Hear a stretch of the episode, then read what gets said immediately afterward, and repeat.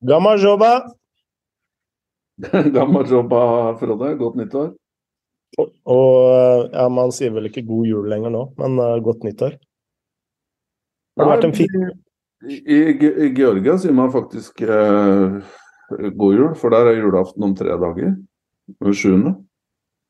Er det sånn ortodoks uh, uh, tidsregning, eller hva? hva Ja, det er helt riktig. Det er i både Hellas og Hellas og Georgia og Kypros og Russland og Ukraina sikkert. Og får håpe de får en uh, OK julefeiring der. Så ja, der kan man fortsatt si god jul.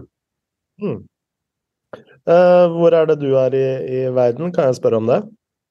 Du har jo allerede spurt om det, så det kan du jo spørre om. Jeg er i England.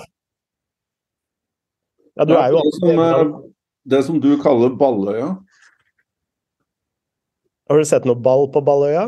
ja, jeg har fått med noe Uh, kamper. Men uh, så lurer jeg på å få med få med Chelsea-Manchester City i morgen. Mm. har vært eh, veldig interessant. Så det er deilig at eh, Ja. Det første er deilig at uh, nytt år er i gang. Jeg, nå blir det litt sånn off topic her, men den derre tiden mellom sånn førjulsstria, advent og to-tre to, dager etter nyttårsaften er i mine øyne kjedeligste tida i året. OK, det er litt ball å se fra England, eh, men verden står liksom stille. Det er, det er så lite som skjer, så nå, nå går vi rett ut i det igjen med, med masse fotball. Det er overgangsvindu som eh, er eh, åpnet, og eh, ny podkast og vi kan, Og så kan vi stille optimismen igjen på liksom fullt trøkk, da. Nå er det nytt år her. Så nå er Ja, det er som De få ukene av virkelig optimisme man har på året, det føler jeg kicker inn nå sånn tidlig i januar. Det syns jeg er en veldig fin, eh, fin periode. Eh, Jeg har jo kosa meg glugg med en Patrion-episode som du har hatt sammen med Lars Sivertsen, som, eh, som dere slapp, eller vi slapp i går.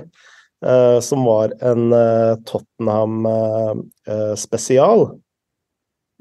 Tottenham-spesial. Nå skal det sies at den episoden er på over fire timer, og jeg er nå sånn tre timer og 25 minutter uh, uh, ut i sendingen, så jeg har vel en eh, 40-50 minutter igjen. Eh, men eh, når vi er inne på Premier League, så Premier League har, jo vært et stor, stort tema eh, for oss i Sjivatse i 2022. Og så eh, Altså, det første jeg gjør uh, uh, på nyåret, det er jo liksom å uh, Altså, ikke revurdere, men eh, prøve å gå litt tilbake til påstander man har hatt, og, og analyser man har hatt, og sett hvor man har bommet, og hvor man har, har truffet. og eh, Jeg lurte kanskje på om vi skulle eh, gjøre, gjør det samme her i, i Shivatse. Eh, er du game? Ja da. Nå har ikke jeg noe eh, nå, nå har ikke jeg tatt noen notater, men vi kan jo ta det fra fritt fra hukommelsen. Før vi går dit, vil jeg bare ja, ja, eh, vil ikke bare helt slippe den episoden med, eh, med Lars der. Eh, Bare takke Lars igjen for at han stilte opp. og det var jo Vi, vi koste oss, vi òg. Og det var jo supermimring fra eh, ja, begynnelsen, midten av 90-tallet, og så gikk vi kronologisk helt opp til til nuet. Uh, og Lars er jo si, Tottenham-supporter og har jo fulgt den klubben uh, i mange år. Jeg, uh, mitt alibi er jo at jeg bodde nær eh, si, Nord-London i mange år, og i tillegg har jeg hatt sesongkort og masse venner som holder med Tottenham. Og, og jeg nevner jo også et par tilfeller i den podkasten hvor jeg var veldig nære å lande jobber i Tottenham. Eh. Det gikk i vasken, dessverre. Det hadde jo vært eh, Uh, hadde jo vært stas, men sånn ble det jo ikke, da. Så jeg vil jo anbefale de som spesielt liker Tottenham og, og titte innom den. Ligger på Patron. Igjen takk til Lars, som leverer som han alltid gjør. Og også takk til til Patrion, som fortsatt henger med og støtter podkasten her, og til de nye som har uh, signert uh,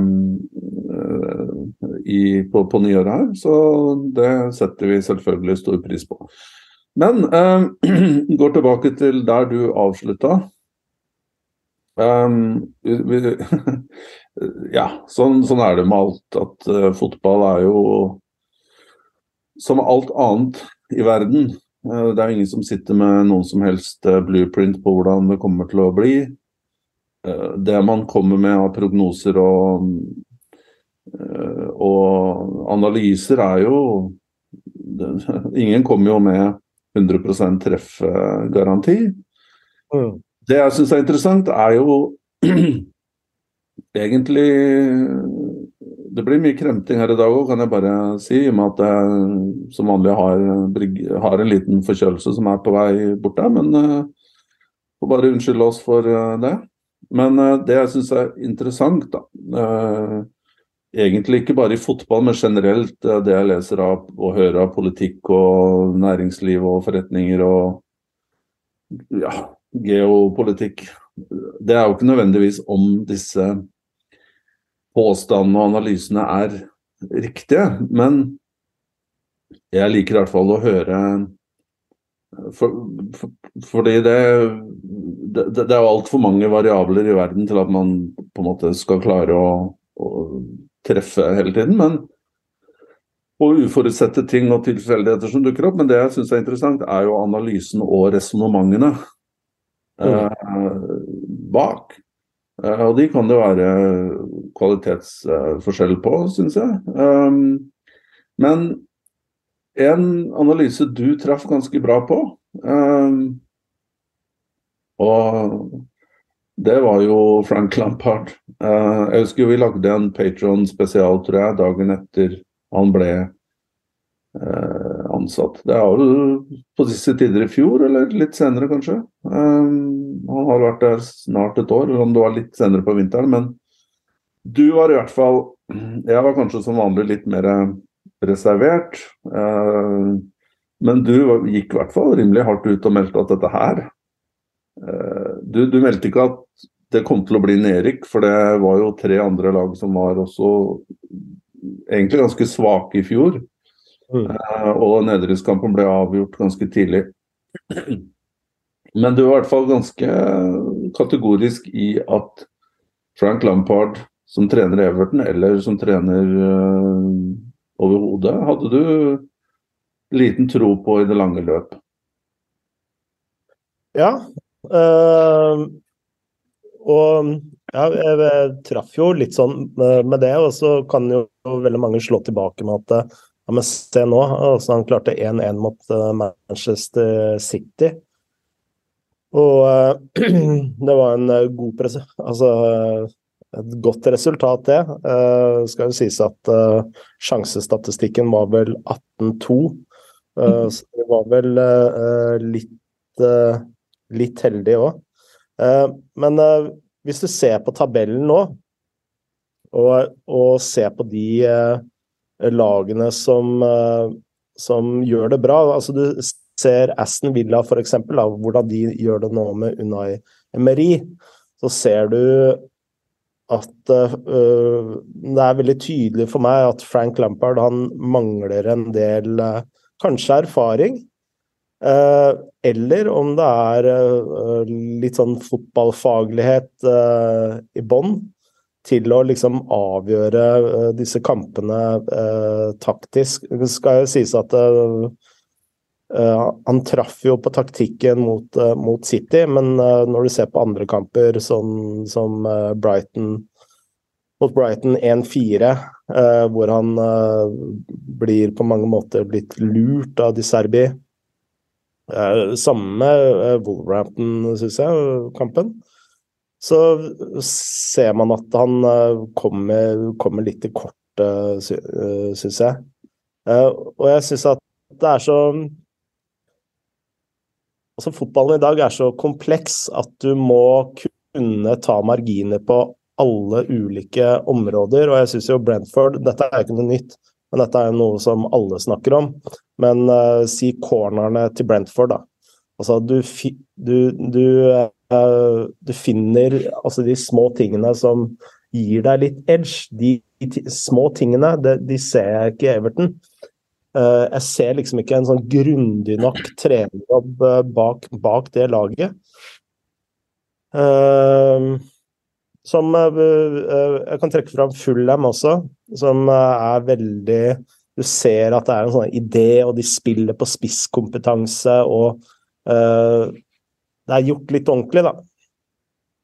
Så det, det mangler jeg. Og det er, det er jo Aston Villa med Steven Gerrard, og her er vi jo inne på, på store spillernavn som blir, blir trenere igjen. Uh, som kan være litt sånn problematisk. Ja, det har vi jo snakka mye om uh, tidligere her òg. Um, men uh, ja, jeg, jeg, er enig i, i det du sier, og det den uavgjort-resultatet mot City der, det, det, det, var flaks. altså enkelt og greit, ikke bare er det det de, de, er jo altså, Bare for å ikke bruke altfor mye tid på analysen her, men jeg så den kampen, og det var jo øh, De var jo knapt ute av egen banehalvdel i første omgang. Og så har de en kontring i, i andre omgang, og, og, og Demarai Gray skårer et mål som han kanskje ikke har På 100 forsøk, da, så skårer han kanskje på den to ganger. Mm. Uh, og sånne prestasjoner, det er jo ikke det man skal legge vekt på uh, når man analyserer en trener. Enkleste fotball altså, det, Dette er et Premier League-lag som har den høyeste jeg tror det er femte høyeste nettspenn de siste ti årene. Og det sier jo seg selv at det er jo ikke på en måte amøber som er utpå der. Det er, det er, jo ikke som at de skal spille at City spiller mot et uh, conference-lag som bare ligger seg bakpå. så Det er jo ikke det jeg mener at uh, Men det, det, enkleste i fotball, da, for å på en måte gjøre seg For å få et resultat, det er jo selvsagt å ligge bakpå den måten du gjorde der, og bare måke ballen unna og, og, og prøve å få en uh, Eh, overgang eh, og skåre på den, og så ha litt flaks i andre enden. Og, det, og Derfor syns jeg sånne prestasjoner Ja, ok, du kan jo si at de viste noe, en innstilling der og kanskje en mentalitet som har vært litt fraværende. Men det tror jeg heller ikke er så veldig vanskelig å piske fram hos spillere når du, når du, når du har alle disse stjernene til Manchester City på andre banehalvdel, så er det klart at da får nok også en trener mer gratis eh, med tanke på motivasjon. Mm. Men det jeg, så, det jeg så i går, det skremte meg. Eh, OK, han mangla en del spillere. Det var, han har bl.a. Onana, som jeg syns er meget god. Eh, hadde jo gule kort.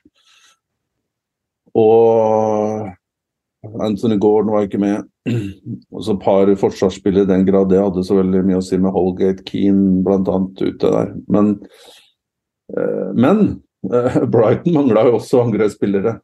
Bl.a. Eh, Trossard og, og McAllister kommer innpå. Starta med en ny, en ny eh, spiss 18-åring som ikke har starta før i Premier League, tror jeg, og skårte jo til og med. Men det som var så klart å se. Og det er jo bare en forlengelse av det du sa tidligere. Det er jo eh, tanken bak eh, lagene, altså det taktiske og, og hvordan Brighton eh, ikke bare dikterte kampen fra første minutt, men hvordan de på en måte Everton var så utrolig redde for Brighton. Det er jo blitt, blitt veldig sånn veldokumentert hvordan Brighton spiller seg ut av press, lokker motstanderen inn på seg. Og, og, og, det var jo Everton så veldig oppmerksom på. De lå med på en måte førsteforsvarer fem meter inn på Brighton sin banehalvdel. Og noen ganger så pressa de ikke helt av, sånn at Brighton, ballen bare stoppa opp hos stopperne. De, de på en måte etter å, etter å, ha sirkulert ballen rundt på midtbanen på kantene, så var den tilbake til stopper. De holdt, men altså, Everton hadde ikke noe å komme med. Da. altså Presspillet. De hadde ikke noe De var ikke koordinerte uten ball. Og det andre her var jo også hvor mye sharpere. Og det henger jo igjen sammen med det du sier, det å ha på en måte et helhetlig konsept som går på en dyktig trener som jobber bra på treningsfeltet med mønstre og system og har en taktisk idé, men også om uh, Har et idé om fitness, hvordan spillerne skal være i, i topp, uh, i topp uh, fysisk uh, tilspissa forfatning. Som De Serbi har, nødvendigvis, fordi han kommer fra Sassuolo, som har fokusert veldig mye på akkurat det, de aspektene der. Med et hopp imellom i Sjakta Donetsk, selvsagt. Men hvor mye sharpere Brighton-spillerne var. Hvor, altså bare på sånn å klare å vende med ballen, og hvordan de kom seg unna press, motstandere med ball. Mm. Eh, Pasningsalternativer måten de la til rette pasninger på, riktig tempo, riktig, riktig vinkel. Altså bare sånne ting, da. Som var så vanvittig stor forskjell på. Og det, og det, det, det Der føler jeg at det er en Det var en perfekt illustrasjon på at her er én klubb gått den veien der, som Everton alltid går. De skal ha store navn, de skal ha PR-ansettelser som på en måte blir akseptert av fansen. Vi må ha en trener vi har hørt om eh, går for store navn. Med veldig varierende approacher fra Sam Allardyce til Angelotti til Lampard til eh, Jeg husker ikke hvem som har vært der i Marco Silva, altså i mellomtiden.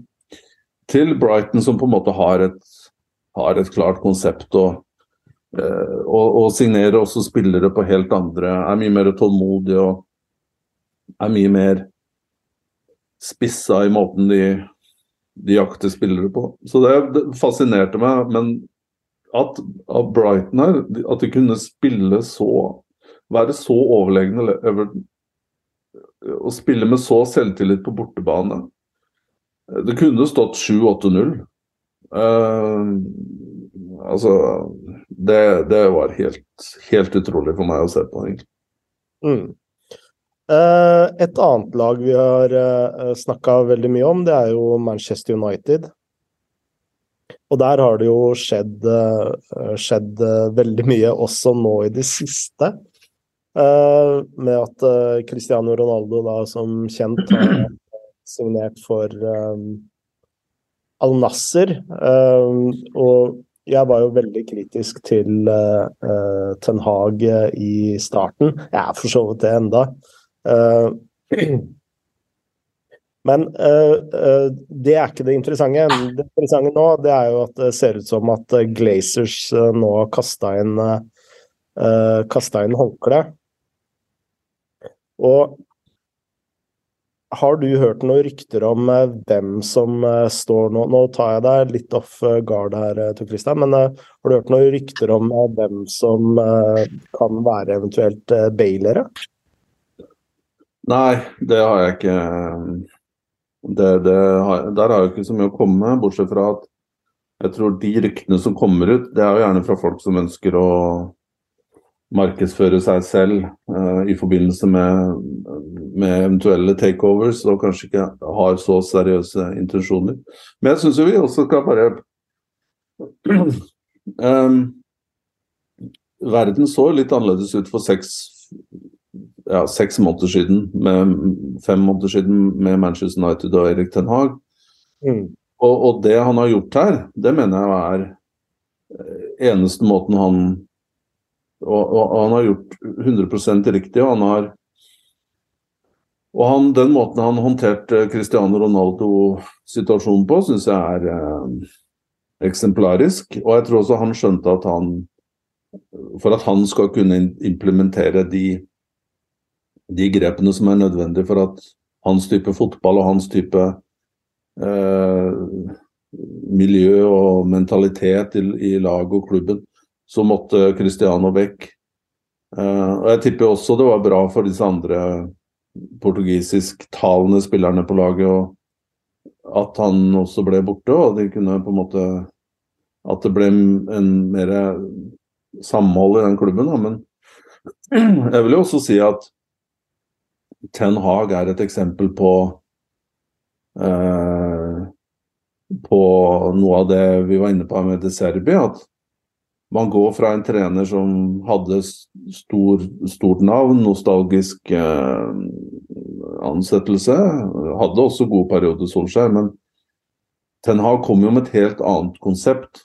Og eh, det kan man også bare se på hvordan hans Ajax spilte, så ser man at det er et solid håndverk eh, bak, eh, bak eh, det han holder på med.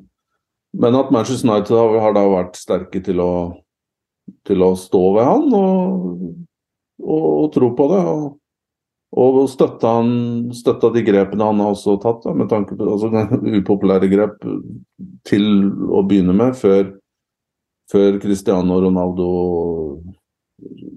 skjøt seg selv i foten eh, så kraftig med det intervjuet, og da tippa opinionen helt i favør klubben.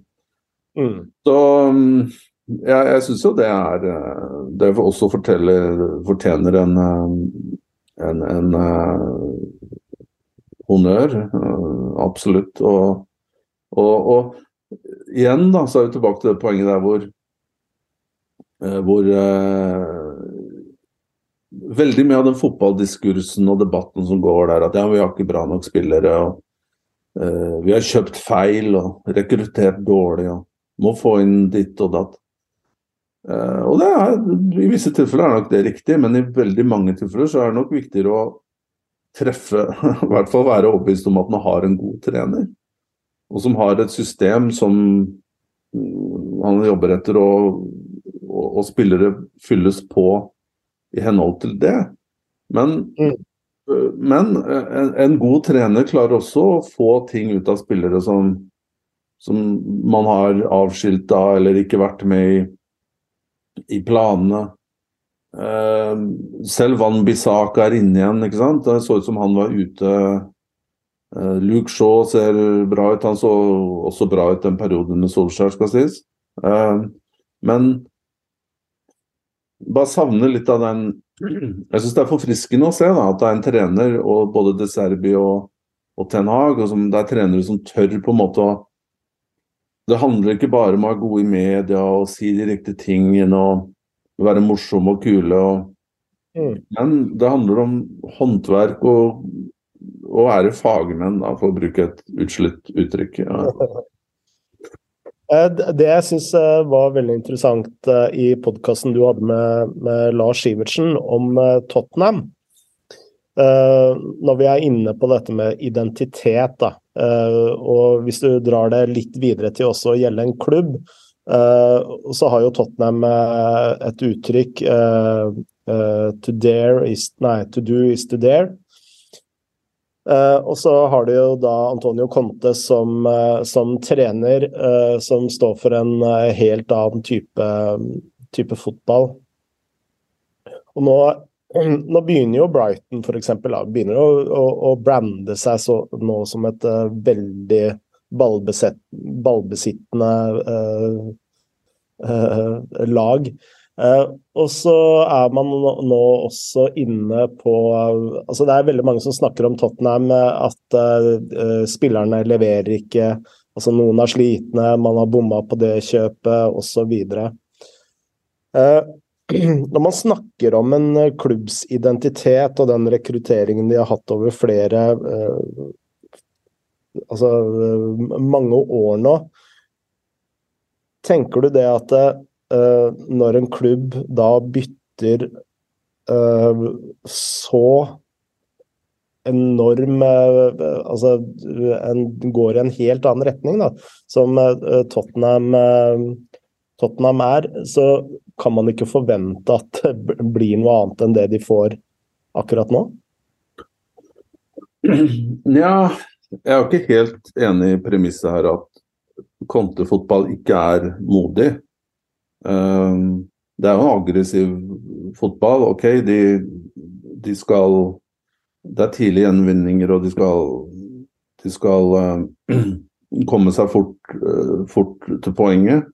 Men det er jo allikevel en ganske offensiv, høy linje og aggressiv type fotball som, som er både underholdende og, og modig når det funker. Og så var jo du også inne på at ja, i perioder så kan man kanskje også si at noe handler om, eh, om skader og tretthet og mangel på energi. Eh, og for å kunne spille den fotballen som Tottenham ønsker under Conte, så må du være 100 eh, fit og, og, og, og ja, det, det, betyr kanskje den energien betyr mer der enn det gjør for andre klubber. da. Um, men jeg tror ikke det har vært det urealistiske urealistisk å gjennomføre. Uh, Tottenham hadde jo ikke så helt ulik tilnærming med Pochettino. Med noen sånn på en måte Oppsetningen er litt annerledes på banen og sånn, men noen av prinsippene er jo de samme. Mm. Men det, så gikk det jo tilbake til Mourinho og litt square one, som er typisk Tottenham, som Lars og jeg er inne på i den podkasten. At det er liksom, de har sine egne sykluser, Tottenham, hvor det liksom er old school, og så skal de fornye, og hele klubben gjør noe, finne en kul utenlandsk trener. Hente undervurderte spillere. Og så Eh, med en sportsdirektør, og så lykkes ikke det. Og så går de tilbake til uh, square one igjen, og så med old school. Og så går de lei av det, og så er det på nytt igjen. og Det er sånne sykluser som er veldig spesielt at Tottenham har kommet seg, seg inn i det. Men jeg føler jo at uh, Jeg vet ikke, jeg syns det er litt vanskelig å Jeg er nok ikke så bekymra for Tottenham som det mange er, opinionen der. Jeg tror nok jeg tror nok Tottenham er et av de lagene som har blitt truffet mest med den derre i, I og med at fotballen er så energikrevende, kanskje mer enn hos utfordrerne, da, at mm. de har blitt truffet enda hardere med den VM-hangoveren. Uh, spillere som har falt litt ut av den timingen på formsyklusen som Konto og folka har planlagt pga. at man har fått et VM inni der. Um, og, og, skader, da. Betancour og Kulosevskij, som er superviktige spillere som, som, uh, som, som er, ikke, ikke, er tilgjengelige. Så jeg tror når man får dem tilbake, man får uh, disse angrepsspillerne, Kane, sånn i bedre forfatning, så tror jeg de kommer etter hvert. Spørsmålet er om det er nok til topp fire nå som, uh, nå som uh, Newcastle har blitt en sånn red herring, holdt jeg på å si, oppi, oppi den miksen der. Og, og, Arsenal trumfer på toppen. Men, av, men, for å ta det enda lenger, da. som avsluttende innspill på Tottenham-praten, så noe av det vi skulle eh, presumptivt, i hvert fall, eh, lede fram til i den podkasten med, eh, med, Lars, eh, det var et slags regnskap på hvor, hvor denne Livi og Enak står etter 21 år. Eh, ja, drøye 20 år da, etter deres inntog i klubben.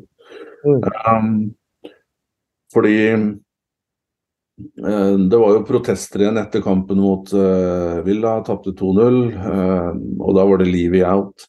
Men det føler jeg er litt sånn populistisk greie som kommer hver gang Tottenham går det dårlig. Har nettopp har bytta trenere. Og som du også har sagt tidligere, da Når man ikke har andre steder å gå, så peker man på, på chairman, da. Eller eieren. Uh, men jeg tror jeg kom fram til at på en måte Når man tar i betraktning alle disse parameterne uh, Stadion Tottenham har en fantastisk stadion, kanskje en av de beste i Europa. Eller definitivt en av de beste i Europa.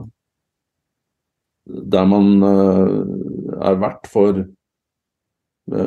boksing og NFL og masse hospitality på kommersielle siden.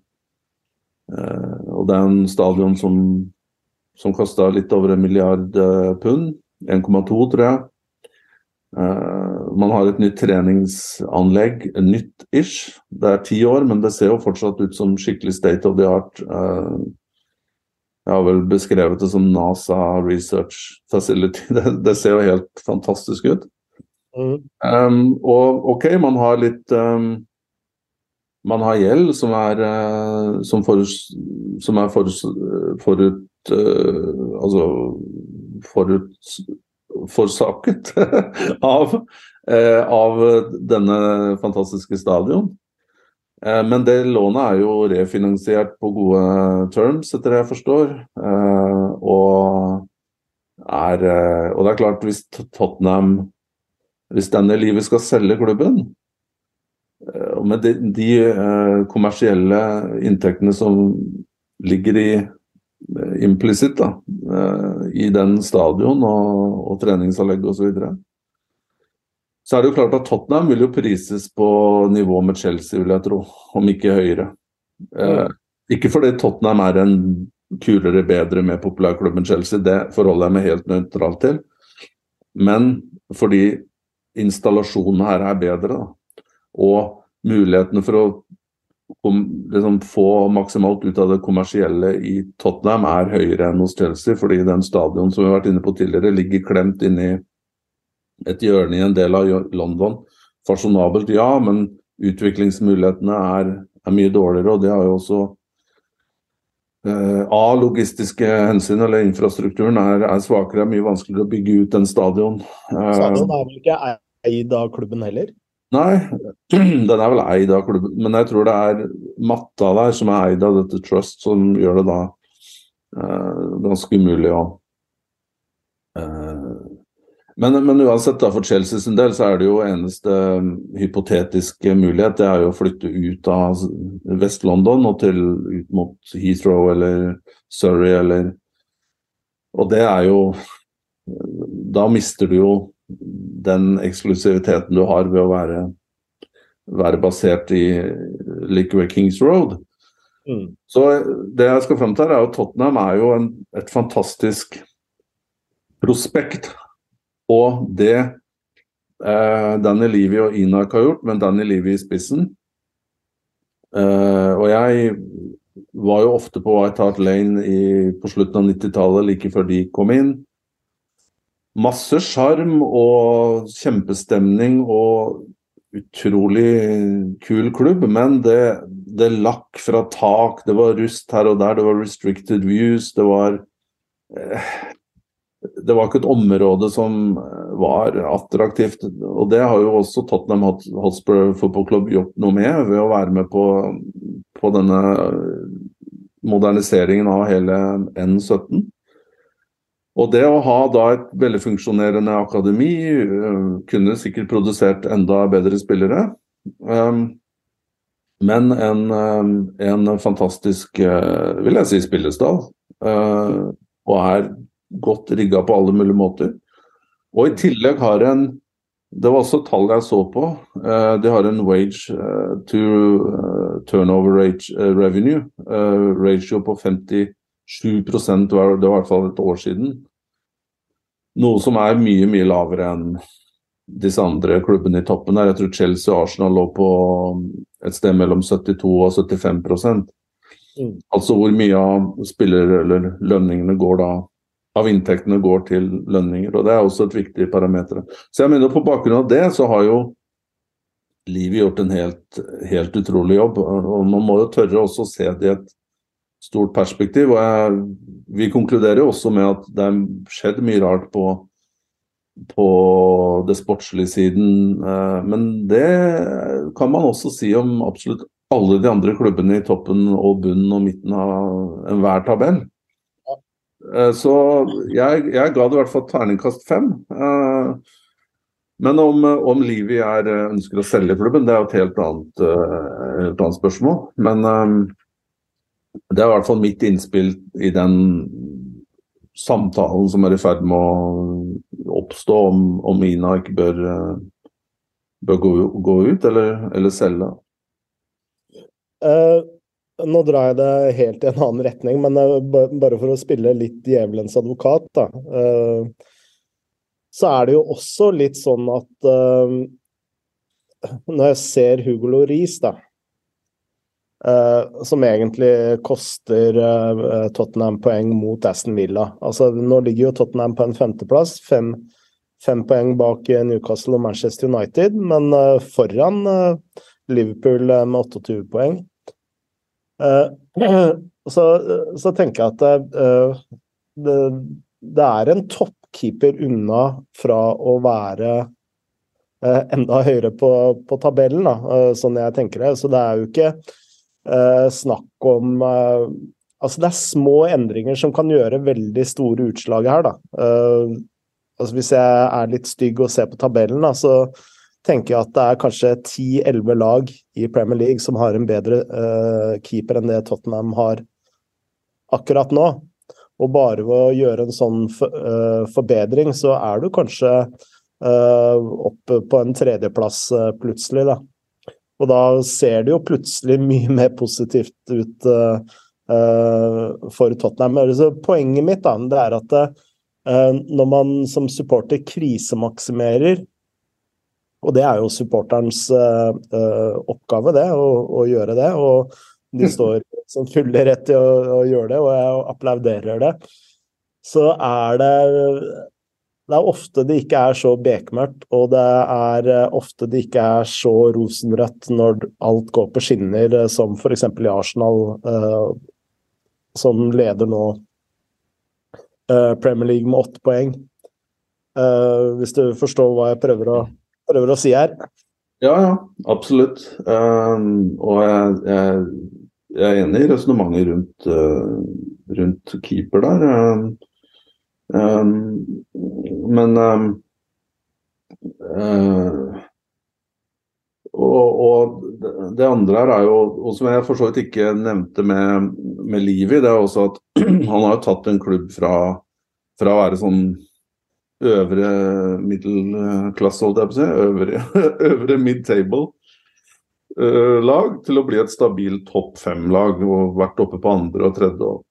Og, er det respektert klubb som skal være i topp fem, og det har jo ikke vært tilfellet Tottenham siden på en måte siste ja, siden Harry Rednap egentlig tiden, eh, paradoksalt nok.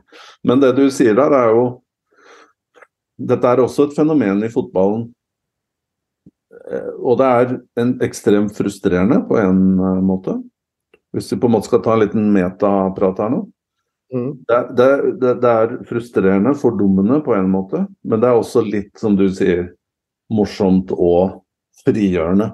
Det at diskursen, den er ofte så vill. og det er så mye emosjoner involvert i fotball enn det er i noe annet uh, tema som jeg i hvert fall interesserer meg for. Og det vil altså si at man får sånne helt ville resonnementer og tanke, tankerekker og kortslutninger midt imellom der noen ganger, som gjør liksom at fordi Satt på spissen, fordi Hugo Laris ga den returen, mm. eh, som sannsynligvis gjorde at Tottenham ikke fikk med seg poeng i den kampen så er det livet out. ja, ikke sant? Den veien fra på en måte tilfeldighet som er ekstrem, til noe Ta løftet det helt opp et ekstremt makronivå. Mm. Det er eh, ekstremt eh, morsomt eh, eh i fotball. Men eh, vi ville jo ikke vært det forunt, og det, jo, det har jo også underholdningsverdi. Så Men uh, det, Tottenham går i hvert fall et spennende halvår i møte her. Conte sin kontrakt går ut om fem måneder, er det vel? fem og en halv måned. og han begynner jo nå som det er overgangsvindu igjen, så begynner jo han å furte litt igjen. og Han prater om uh, ditt og datt og styrkelag og vinnermentalitet og en og andre. og så uh, så det, det, er jo et av de lagene det er mest uh, spennende å følge nå, med tanke på hvordan de skal se ut i løpet av de neste, neste årene. så ja. Eh, jeg lurer på om vi kan eh, snakke litt om Arsenal. Ja, ja, ja. Eh, vi har egentlig ikke snakket så mye om Arsenal. Du nevnte trenere som plutselig får mye ut av spillere som har vært totalt avskrevet, og der har jo Arteta vært en, en mester. og Arsenal går jo uh, på skinner. Granit Xhaka ser plutselig ut uh, som en million dollar. han var vel egentlig på et eller annet tidspunkt på, på fly hjem til Sveits, totalt avskilta. Så tenkte jeg Arsenal altså, de må jo være det mest imponerende Altså den mest imponerende trenerjobben i Premier League akkurat nå. Uh, og det er det kanskje, men så begynte jeg å se litt på uh, transfer-historikken deres. Og så, så, kan vi jo diskutere hvor mye man skal legge i det med tanke på hvor imponerende den trenerjobben til Arteta er. For man kan jo også si at uh, Eddie, den jobben Eddie Howe har gjort med Newcastle, er jo også helt, helt vanvittig. Uh, men når du ser på 2021-2022-tallene til Arsenal, så er de faktisk det Premier League-laget som har uh, brukt, brukt, mest penger. Tro det eller ei. 1,6 milliarder norske kroner ble brukt. Uh, dyreste signeringen deres er eh, Ben White, som ble kjøpt for uh, eh, 52 millioner pund fra, fra Brighton. Martin Ødegaard uh, fikk det jo rimelig. Aaron Ramsdale har de jo henta. Takiro. Uh, Lokunga. Tavares osv. Uh, Syns du det tar noe vekk fra æren til Arteta, eller er det bare sånn det er å være en toppklubb? Uh, nei, jeg, jeg syns ikke at man skal ta noe uh, Man skal ikke redusere det til noe, syns jeg. Det er jo Men viktig her er jo at han har fått uh, Han har fått ro og stabilisert en klubb som bare på en måte Ja, blitt sentrifugert rundt i en sånn malstrøm helt siden Wenger eh, forsvant.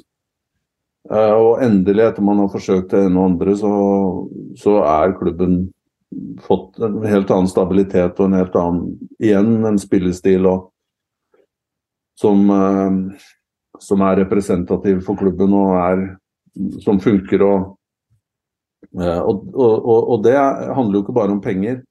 Da har vi jo sett um, masse eksempler på at penger garanterer deg ingenting. Uh, det, det, klart det gir deg fordeler, men det må også settes uh, Detaljene må jobbes med, som du sier, og det må inn i et system. Og du må ha riktige mennesker til å i de forskjellige sportslige rollene. Men også i forbindelse med den podkasten med Lars, så så jeg også på uh, igjen, da.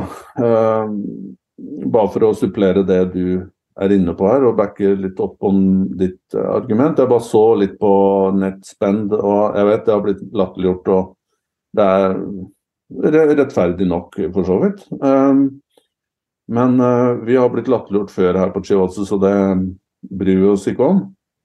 Men, uh, og det avhenger litt av kilder, og, det, og igjen, det er mange summer her underliggende, eller som ikke er underliggende, alt jeg på å si, som, som mangler Eh, spillere som har blitt henta på eh, Bossmann og sign on fees, agenthonorarer, lønn osv.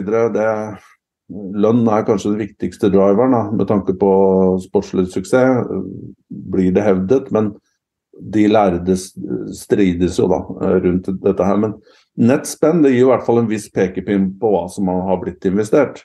Mm.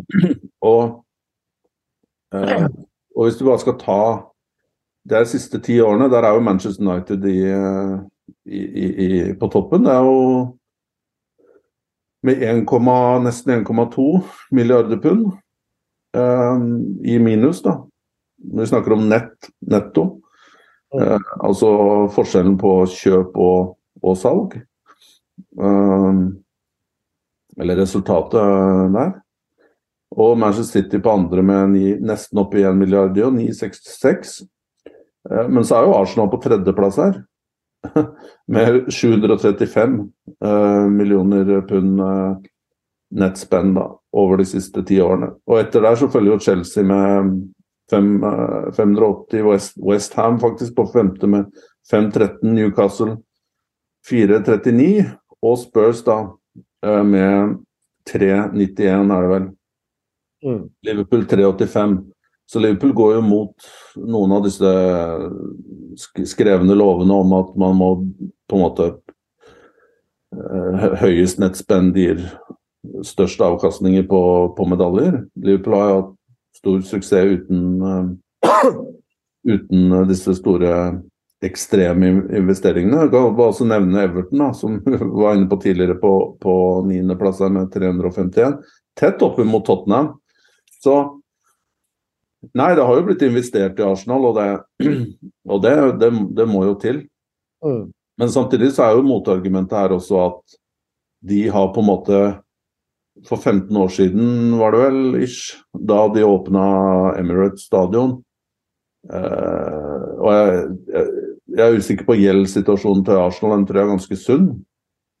Eh, så det vil jo si at de har jo også for lenge siden etablert et system som var veldig lukrativt med tanke på inntekter.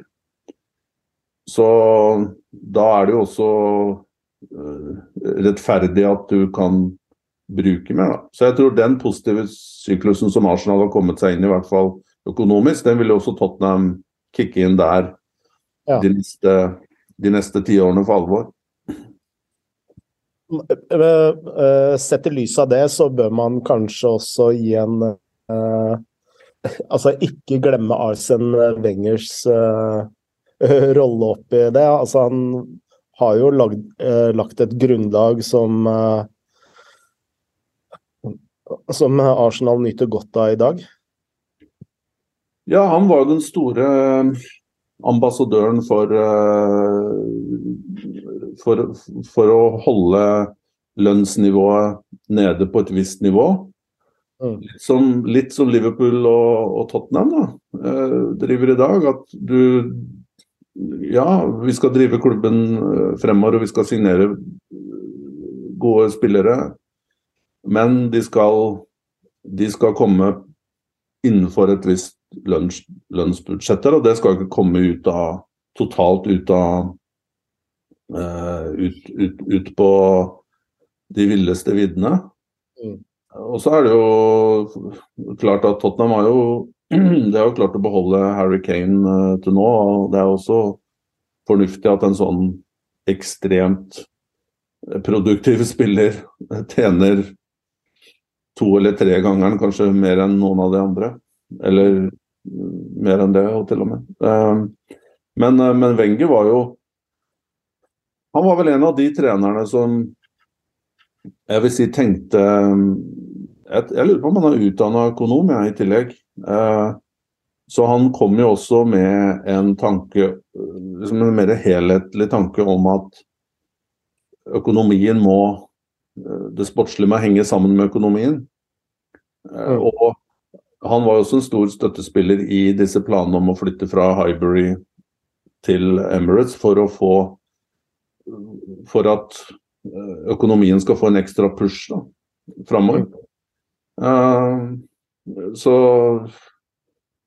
Og så er det jo også naturlig at når en så sterk og innflytelsesrik eh, trener forsvinner, så blir det en Jeg har brukt den analogien der mange ganger tidligere. og kan si det samme om Ferguson i Manchester United. Det blir jo litt som en diktator forsvinner i en nasjon.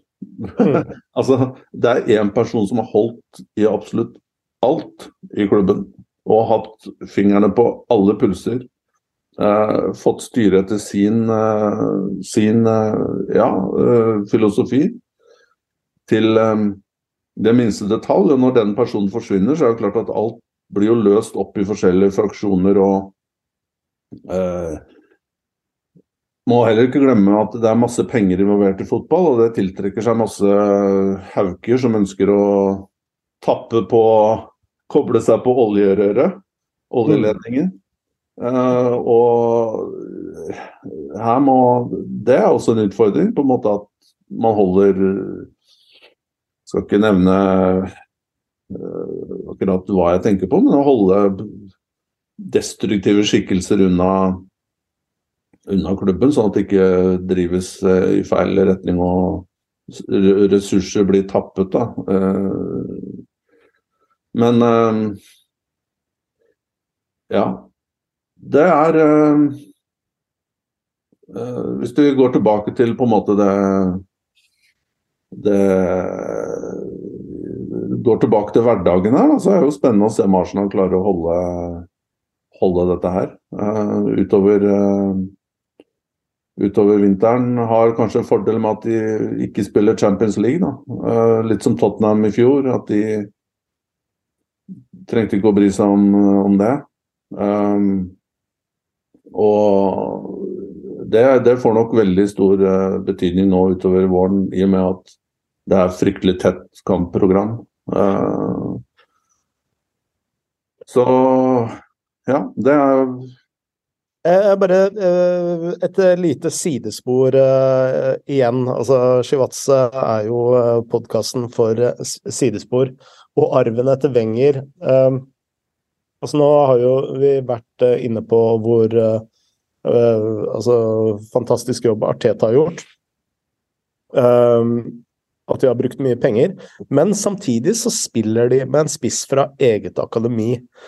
og Eddie Ketia, han, det som er litt morsomt her, det er at han starta jo karrieren sin i akademiet til Chelsea, men blei henta av Wenger. Eh, og så veit jo ikke Veit jeg ikke hvor hands on eh, Wenger var på den overgangen der, men eh, det har jo vært veldig mange historier om at Wenger også har vært med og scouta unge, unge spillere. Uh, og han kom jo til akademiet til uh, Arsenal fra da, som jeg sa, Chelsea-akademiet, og nå spiller på topp. Så ikke nok med at de har kjøpt masse penger, men de bruker jo også uh, spillere fra akademiet og gjør det med suksess, da. vi skal jo ikke si at det er helt unikt, men det er ikke så vanlig lenger at topplagene i, i, Premier League kommer med egne akademispillere lenger? Um, ja Jeg vet ikke, dette blir jo an anekdotisk, men jeg føler jo ikke at det er helt uh, utelukka lenger. Både Chelsea og uh, ja, til og med Manchester United har jo også hatt uh, suksess med akademispiller Rashford, Green, Greenwood, som av egen, egne årsaker ikke er eh, kanskje største talentet de på mange år, da, som ikke er med på, av ganske horrible årsaker. Men uh, og City nå ser man jo også har, har spillere med i førstelagsdiskusjonen som er uh, som er eh, fra eget akademi. Det, det, skulle jo for så vidt bare mangle, for det produseres jo utrolig mange, mange talentfulle spillere i England nå, mer enn det kanskje noen gang har gjort. Men apropos sidespor. Her må jeg stjele Vi er jo veldig, i hvert fall Kanskje ikke du, da, men jeg er jo glad i ordspill, for jeg er i 40-årene. Uh, og glad i Hva? Også i 40-årene. Jo, men av en eller annen grunn så er du ikke så gubbete humor som meg. Uh, men Morten Galaasen er jo ikke i 40-årene, men han har likevel gubbete humor. Så, og han Vi liker også randomiteter. Og han dro jo fra Nei, jeg tror han er i slutten av 30-årene eller noe sånt. Men uh, får unnskylde meg hvis han har bikka 40 og er stolt av det, men jeg tror nok han har noen år igjen. Selv om Ja. Um, men han uh, dro frem uh, veldig morsomt uh, faktum at det er en klubb i Tyrkia faktisk som heter Sidespor. og som er basert amatørklubb som er basert i et lite sted som heter Side, nær Antalya, som sikkert mange lyttere har vært på og kost seg med store buffeer på resort hotels. Men uh, det er i hvert fall veldig morsom uh, faktum, syns jeg. Som blander randomiteter, gubbete ordspill og eksotisk fotball. Mm. Uh, men mens jeg har det her, uh, nå tar jeg deg litt off guard også, men uh, du som kjenner veldig mange i England i, i, fotballen, altså hvilke klubber i Premier League har rykte for seg nå å ha Jeg veit at du ikke jobber med, med akademifotball, men hvilke klubber er det som ryktes å ha liksom, de beste akademiene akkurat nå? Og har det liksom vært noe Veit du om det har vært noe endring der de siste årene? Um, man blir jo Det må rangere Det må rangere suksessraten på, på akademiprestasjoner. Det går jo ofte på enkeltspillere. Det har jo blitt sånn at hvis du på en måte får fram en eller to, så skaper det et stort inntrykk om at der jobbes det veldig bra. Noe av det kan jo ha med tilfeldigheter å gjøre, noe har med selvsagt eh, generasjoner å gjøre, og, og, og nedfallsområdet, selvsagt. Mm. F.eks. i London er det jo jeg vet ikke hvor mange innbyggere det er. Stor-London er 15-20 millioner hvis du drar det veldig langt ut geografisk. Og det kan jo også gi gi eh, London-klubben en liten fordel kontra de i nord eller midt, midt på kartet. Men eh, da i hvert fall Jeg husker på 2000-tallet og selv 90-tallet så var det Westham som, som alltid ble trukket fram. Og de hadde jo en vanvittig generasjon der med Cole og Lampard og Carrick var det vel, og kom vel gjennom akademiet der. Mm. Eh, Rio Ferdinand og, og så videre. Så, så ser man kanskje ikke at de har klart å etter hvert som konkurransen har blitt mye større og mye mer kynisk, da, eh, spesielt i London, så har kanskje Chelsea eh, tatt litt av den eh, jobben der. Eh, jeg så jo i hvert fall halvannet år siden så så jeg jo på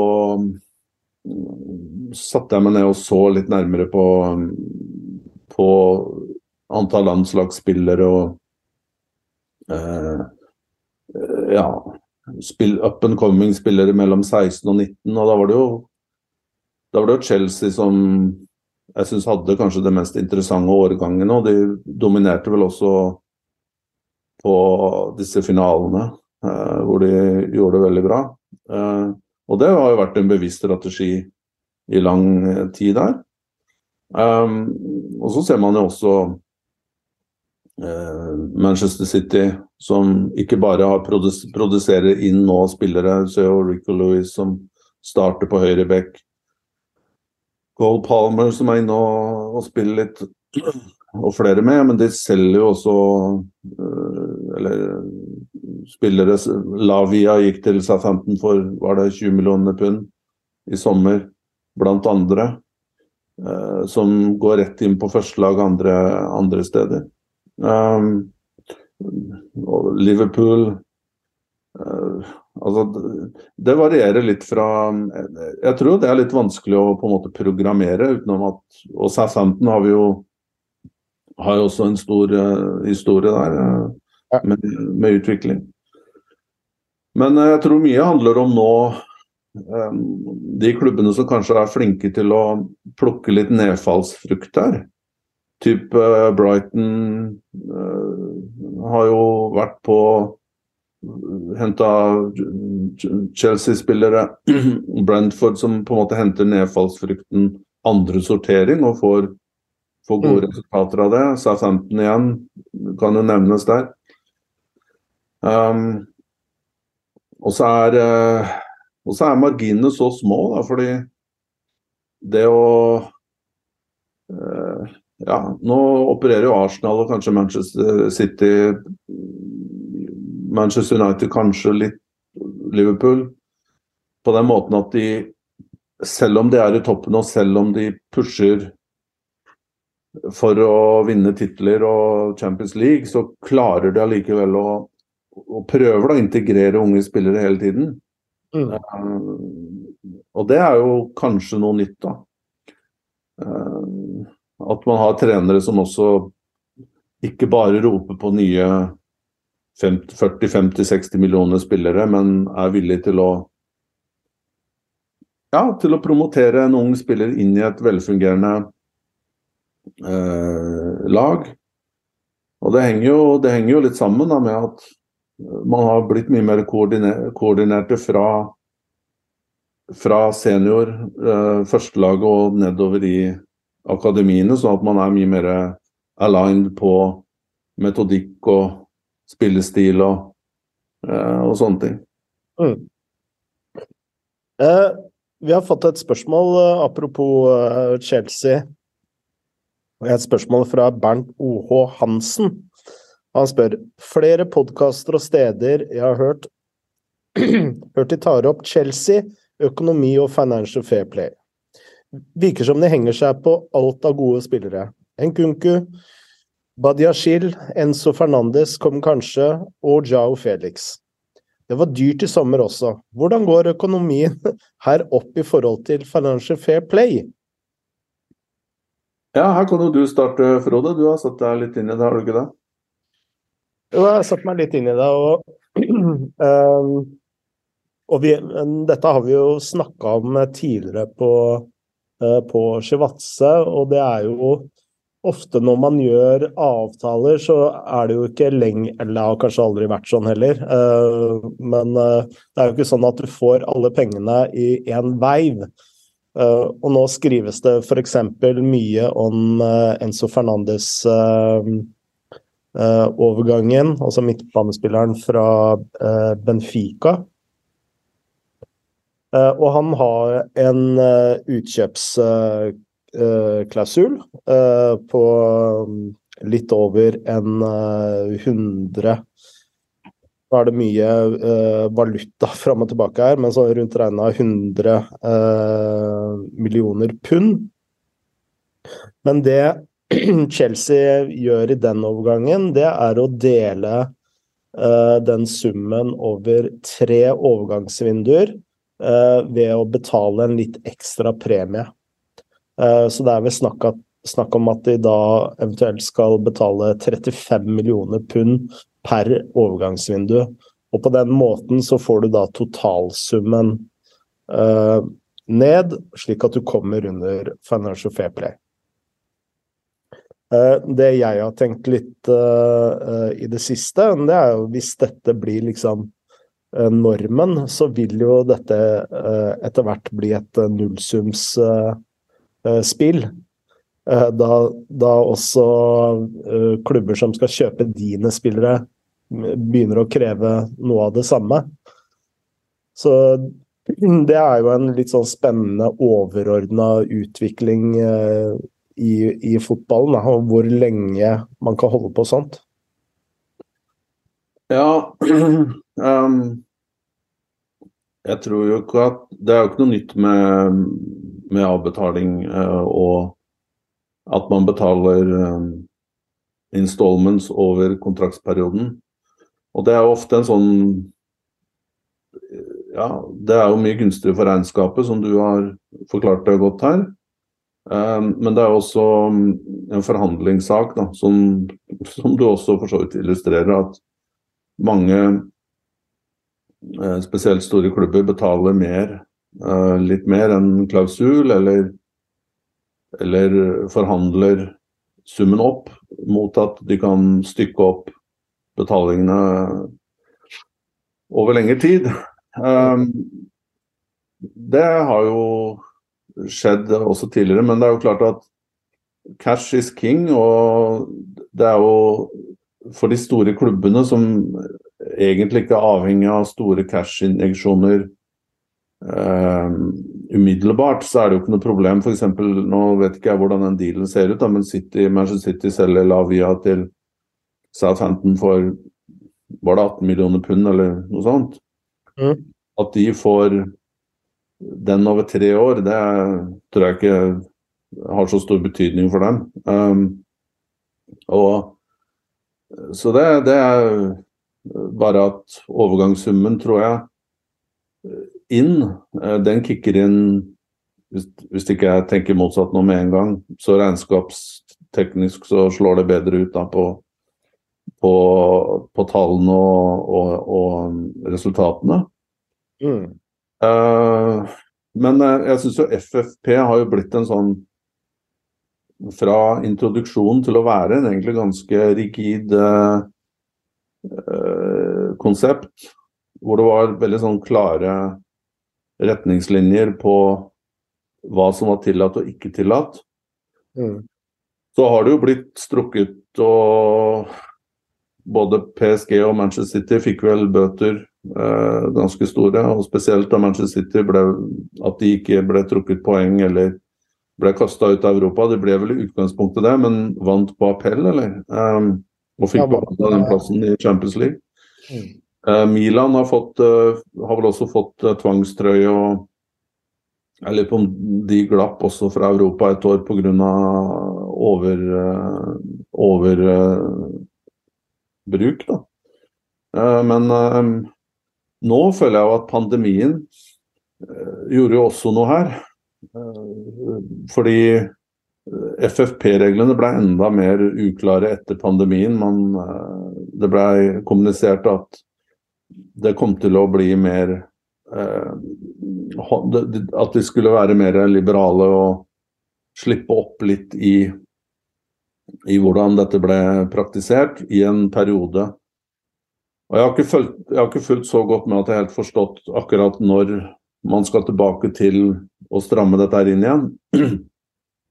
Men det, det virker i hvert fall såpass diffust at eh, de som virkelig ønsker å, å, å, uh, bruke penger nå, de gjør det nok også med på en måte en, med lavere risiko. At de tenker at ok, nå er det, det er så mange um, caveats her, og, og, og Uefa har gått så mye fram og tilbake på det at det, det, vil også være vanskelig å håndheve dette her veldig stramt i den perioden vi er i nå.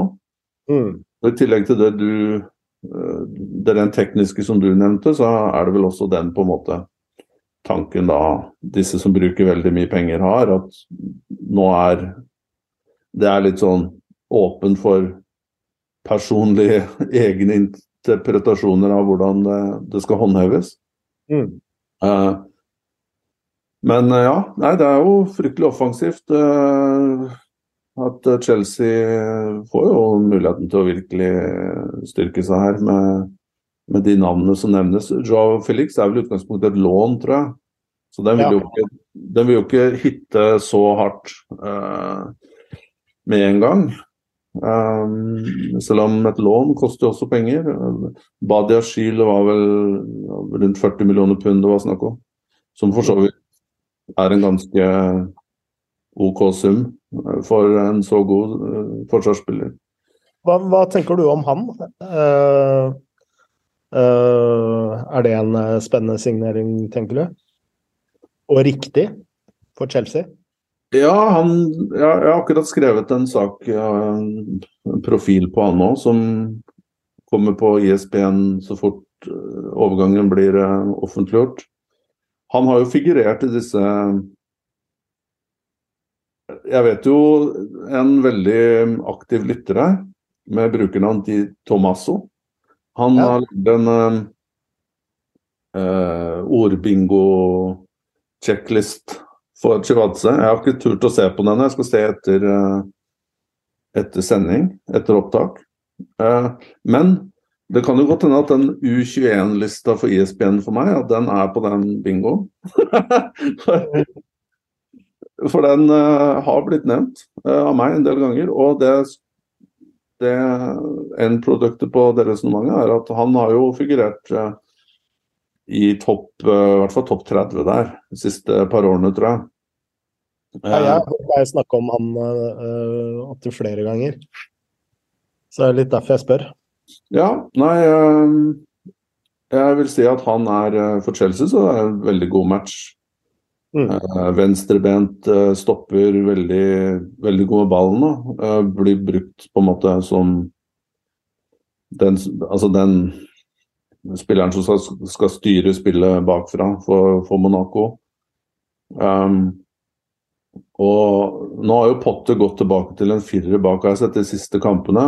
Men ideen hans er vel å spille med tre bak, men det gikk ikke så veldig bra med tre. Tapte vel jeg husker ikke hvem det var mot, men det var ganske stygt tap uh, like før jul her. Var det 4-1 eller noe sånt? Mm. med treer bak. og Så nå har de jo lagt om til 4-1. Men jeg tipper jo ideen er at det skal Kolibali på høyre, Tiago Silva i midten og Badiashil som, som venstre stopper. da, og at og, at, uh, og Kolibali, som også er en veldig god ballspiller, ikke helt har lykkes med, med det eh, foreløpig. Og at eh, han skal inn eh, hovedsak venstrebent og har disse ferdighetene med ball. Men han er også veldig god, god hodespiller. Så litt på tallene her. Han har vel over 75% går seirende ut av hodedueller. Litt skuffende tall kanskje på defensive dueller, og jeg tror på rundt 70% som er OK, men litt lavt for uh, stoppere. Men å... Jeg har sånn inntrykk av at uh, han er en stopper som ikke takler så mye. Han er litt mer sånn den eh, Rune Bratseth-typen, som uh, heller bryter ballbanen og, og uh, Hvis du forstår hva jeg mener? Ja, det er riktig. Han er, han er veldig alert og bryter Leser spillet veldig godt. Og når du ser han, da, så er han jo veldig elegant. 1,94 er det vel. God fart og stresser aldri. Virker alltid kontroll. Selv i, i, i pressa situasjoner. Og det, jeg, jeg har fulgt ham ganske godt av det.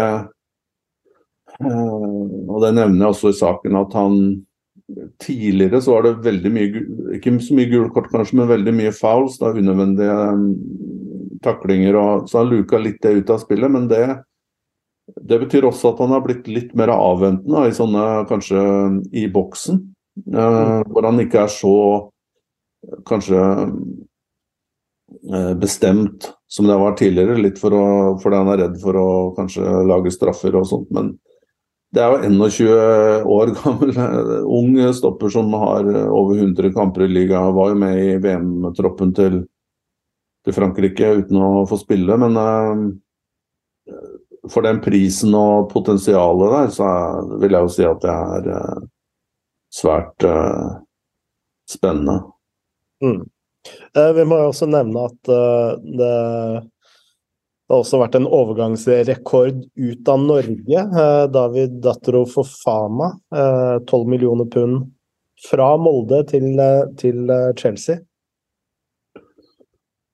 Ja, det igjen, det viser jo flere ting. At, at store affluente klubber er villige til å betale veldig god pris for spillere direkte fra Norge. Det har ikke vært en selvfølge. Nei. Og det er det er eh, litt sånn game changer, tror jeg. For eh, at Norge også kan fange de samme summene som det danske klubber har gjort i en periode nå.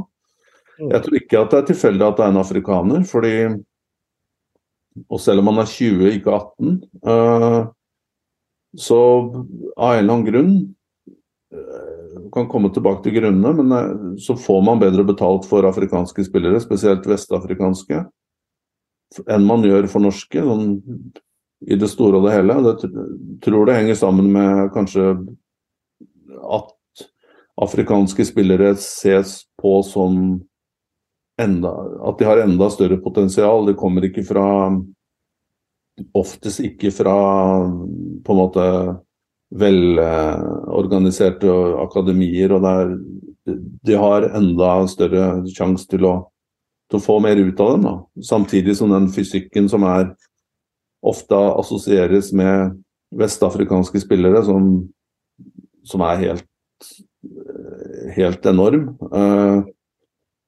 så, så gjør det eh, det er fryktelig spennende. og det, det, tenker jeg også igjen et tema som har vært gjennomgående i Chivadze her. Så jeg syns jo det er veldig rart at uh, at uh, Afrika, spesielt Vest-Afrika, disse landene fra Kamerun og opp til, opp til Senegal langs kysten der, at ikke det er en større prioritet da, for klubber i Eliteserien. Mm. Ok, man, man, vil ikke lykkes med alle. Og jeg forstår også at man må ha gode systemer. Man må ha gode systemer på, på, på, på til, få spillerne til å tilpasse seg. Det er litt mer high maintenance, for det er ikke som en norsk 18-åring som, som kan alt om, uh, om Norge og er, har vokst opp der. Det sier jo seg selv. Um, men samtidig så, så, er det en liten oppgave uh, når man betrakter da den potensielle oppsiden her. Fra Vest-Afrika kan du få OK, markedet der begynner også å bli, bli dyrere.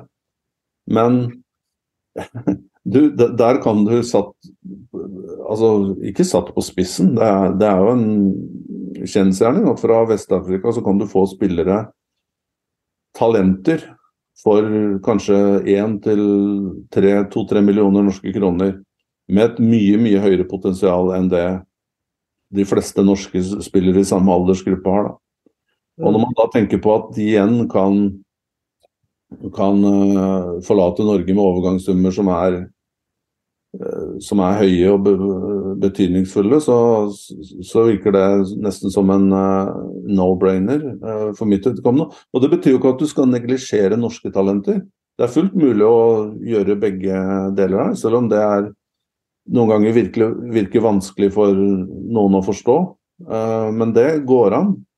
det er fullt mulig. Absolutt. men det var en som kom med et innspill på, på Twitter, for jeg var litt sånn Nevnte dette her. Um, og da var det en som sa at uh, han hadde litt inntrykk av at i Norge så var, er sånn oppfatta som Jeg tror han brukte ordet skittent, da. Å importere spillere, spesielt fra Afrika, for å ha en idé om at disse kan selges med profitt. Uh, og det tror jeg ikke han har helt feil i, den betraktningen der. Men det er en tanke vi må slå, slå oss vekk fra. For det, eh, dette handler jo ikke om eh, si, utnytt, utnytte spillere. Fotballen og dens eh, si, Det at spillere flytter over landegrenser, det er jo ikke noe nytt. Og fotballen har jo blitt en global. og Eh, det handler jo om å være å forstå et forretnings, eh, forretningsmodell som eh, forhåpentligvis også kan være med å, å, å bygge Man kan bygge klubben videre på disse, på disse windfallene man eventuelt kan få fra kjøp. Du kommer vel litt uh, skeivt ut på oppkanten med Mikkel-saken og Ehm, ikke minst den boken fra de to DN-journalistene Lars Bakke-Madsen og Jens uh, Johansen, 'Den forsvunne diamanten', som uh, handla mer om uh, afrikanske spillere i Europa enn om uh, Mikkel, kanskje, da, men som blei en diger debatt i, i Fotball-Norge på den tiden. Ja, det er nok en god forklaring, Frode. Men uh, igjen, dette er jo ti, ti, år siden den boka kommet, som for, for øvrig var en veldig, veldig god uh, bok. Og mye av den uh, lugubre aktiviteten i av på en måte menneskehandellignende import av afrikanske spillere til Europa har jo blitt luka bort. Mye av, det, mye av det utspilte seg jo i Belgia og, og Frankrike. Og det er jo fryktelig mange triste historier eh, rundt det. Men verden går fremover, og, og, er, og, i Norge så har man jo en tradisjon for å på en måte gjøre ting på en ordentlig måte. Det er jo ikke sånn at hvis man henter afrikansk spiller, eller, en, eh, eller det kan være en islending eller en, en finne, så er det jo ikke sånn at man installerer vedkommende i en brakke uh, uten uh, liksom, fasiliteter. Man, man, tar jo godt vare på spillerne. Og i Norge så har man ganske Det er jo ganske transparent, og man gjør ting på en relativt ryddig måte. Uh, så det, det faktum at man Eh, at man her, da, med Vest-Afrika, her har man en mulighet fra et norsk klubbs synssted til å være nesten på samme nivå, eller på samme Du er like stor player omtrent som store europeiske klubber. Eller mid-size europeiske klubber. Mm. For spillerne så handler det om å komme seg til Europa. Og de kan ikke sitte og vente på at Paris Saint-Germain eller Monaco eller Chelsea for den saks skyld skal, skal ringe. Kan godt hende at de vil gjøre det, men de, de vil dit tilbudene først kommer fra, og så eventuelt gå videre derfra. Mm. Um, så at det ikke på en måte At man ikke bygger litt uh, bedre systemer rundt det, og kanskje som man ser i Sverige og, og, og Danmark, Nord-Sjælland f.eks., som har hatt stor suksess med Ghana spillere derifra. Hamarby som jobber mye med Elfenbenskysten. Det For meg så virker det som en ganske fornuftig tanke, i hvert fall. Mm. Uh, nå har vi jo snakka litt om overganger og sånt, og overgangsvinduet har jo nettopp uh, starta igjen. Er det noe spesielt du er eh, mest uh, spent på, eller uh, hva Har du noen generelle tanker om det overgangsvinduet vi går inn i nå? Um, jeg tenker vel internasjonalt at um, det er noen, noen få overganger som, som jeg syns er interessante med tanke på at kontrakten går ut i, i 2024 eller 2023. Vi har jo snakka om uh, Markus Turam som er på vei ut av kontrakt. Uh, forventer egentlig at en av de store At han ender i store, en, en stor, uh, større klubb da, enn Borussia Mönchengladbach. Nå ble det veldig vanskelig. Inter har vel vært nevnt der som en av, en av de største interessentene. Manchester United er vel også hyppig nevnt der? Ja, stemmer. Det, det, virker også å være et alternativ. For de som ikke kjenner han så godt, var jo kommet innpå et par ganger i, i, i VM. Uh, opprinnelig midtspiss ble flytta til litt sånn venstre ving uh, i Tyskland, men er nå tilbake i, i midtspissrolle og har hatt en knall, knallhalvsesong i, i Gladbach. Eh, og enorm hodestyrke og duellstyrke, hurtig. Eh, gode bakrom, også decent eh, oppspillspunkt. sønn av, av Lilian Toran, selvsagt. Og det andre er jo Rafa Leao i Milan, som som er skårte vel også i dag mot Salernitana, tror jeg. som går ut av kontrakten om halvannet år, men Milan ønsker jo ikke å komme i en situasjon der de må på en måte tvunget til å selge til, til uh, sommeren. Uh, og da vil de jo måtte selge til en langt lavere pris da, enn det som er man eventuelt kan få nå.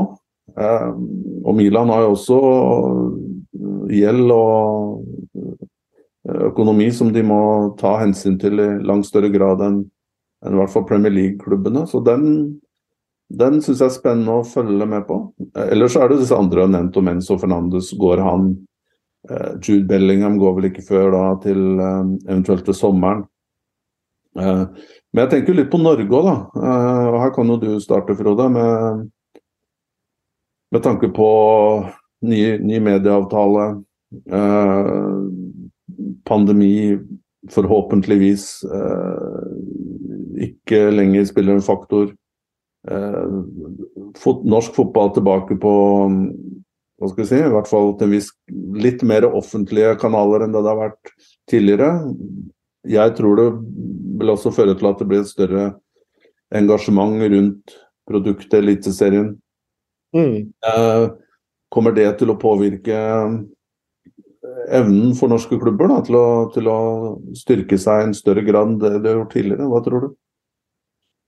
Ja, altså eh, Min uh, første tanke det er jo at uh, vi vil kunne se flere utenlandske overganger til Norge igjen. At, og da tenker jeg ikke nødvendigvis Afrika, men flere spillere fra både Danmark, og, og Sverige. Uh, nå har jeg et inntrykk av at uh, spillestrømmen egentlig har gått i motsatt retning, i hvert fall uh, i form av Danmark, over flere år. Og at man ser færre overganger fra lavere divisjoner og oppover. Og en tredje ting som vi allerede ser nå, at en del utenlandske spillere eller norske spillere som har vært ute, kommer hjem igjen fordi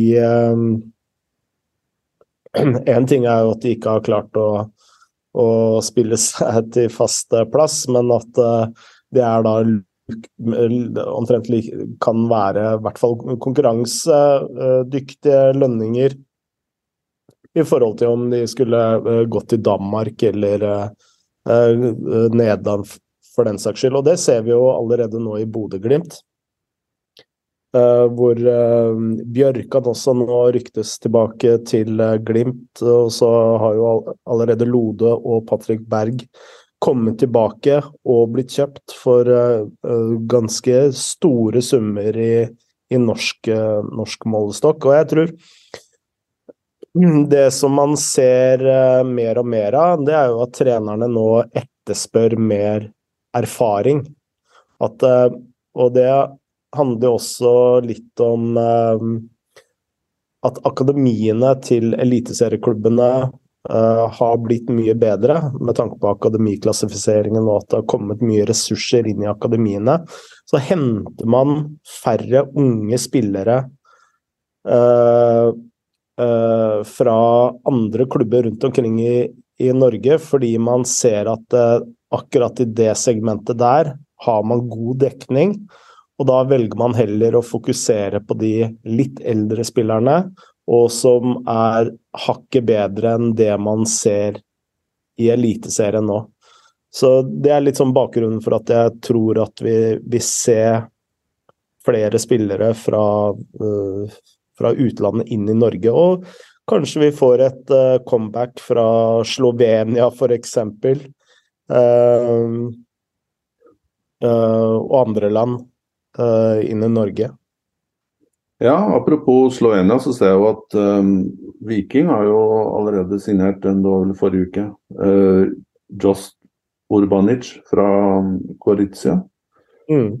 Uh, Gorica heter det vel, uh, muligens. Um, Gorizia heter vel på den italienske Siden av byen den er vel delt i to, med å ta geografiprat her. Um, men det heter vel Gorica på den slovenske siden. Jeg har ikke sett noe spesielt til spilleren, bortsett fra at jeg ser en venstre spiller. Og selv om det kanskje ikke har gått så bra for Viking den siste, siste halvåret, eh, tung eh, avslutning på sesongen, her, så syns jeg i hvert fall at det er spennende at de har jo eh, ja, de har jo lykkes OK, syns jeg, i å, i å, være litt mer kreative på overgangsmarkedet. Se til litt sånn under, underpresterende eller undervurderte marked. da. Brekalo har jo vært en suksess der, kommer det også direkte fra Slovenia. og Nå kommer den til, og de har jo hatt andre utlendinger som har kommet og gått eh, med Joe Bell bl.a. med overgangssummer som, som, de har som har gitt god avkastning. Um, men uh, en ting å følge med på er jo Bodø-Glimt. Uh, og ja, om den strategien fungerer. Nå, nå, blir det jo spennende å se om uh, hva slags vri det eventuelt blir på Bjørkan sin pakke hvis han kommer, da, om, han, om det blir et lån, eller om, det, om han blir Hva skal vi si Om det blir permanent litt på samme med samme modell som Patrick Berg, som kom tilbake fra, fra Lans. Ja, er, jeg ser jo at det er jo populært blant uh, de som holder med Bodø-Glimt.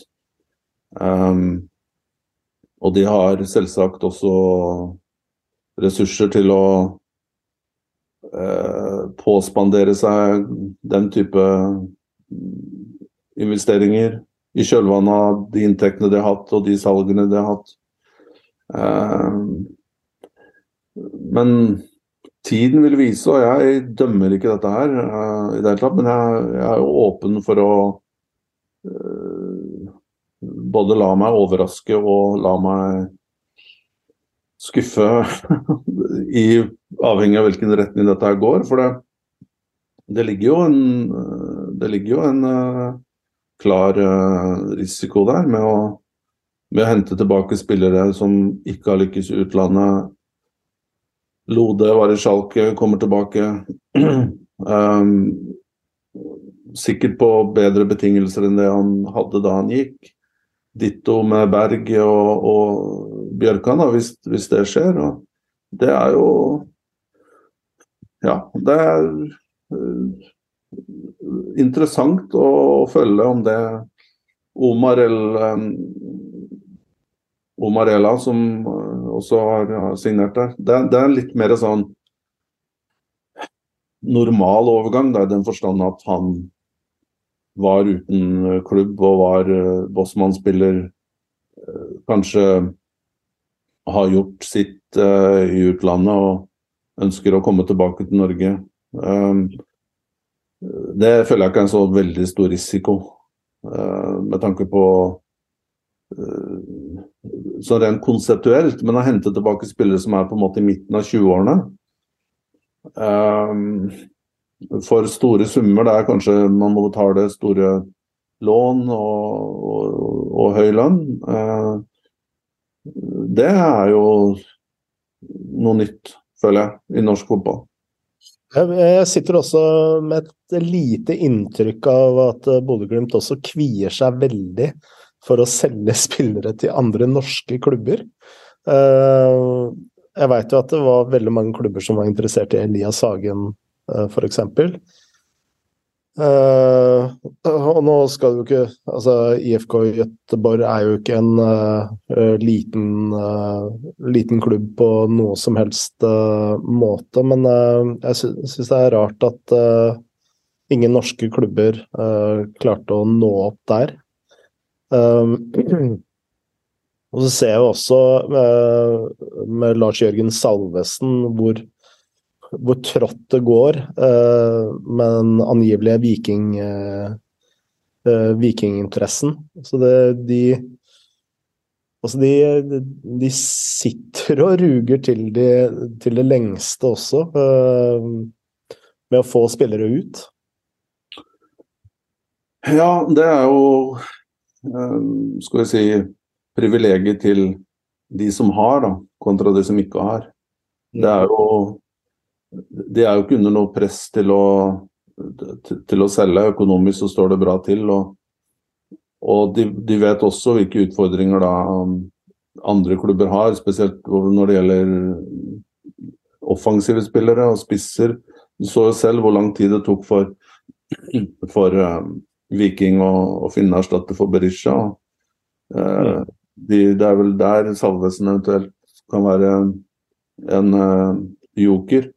Um, og I tillegg så er det jo, åpner opp nok et dilemma for, for Bodø-Glimt hvis de lar uh, Lars Jørgen gå da, til Viking. Da, hold, da, må de ha en midtspiss til selv, og det koster mye penger. og kommer med mange usikkerhetsmomenter.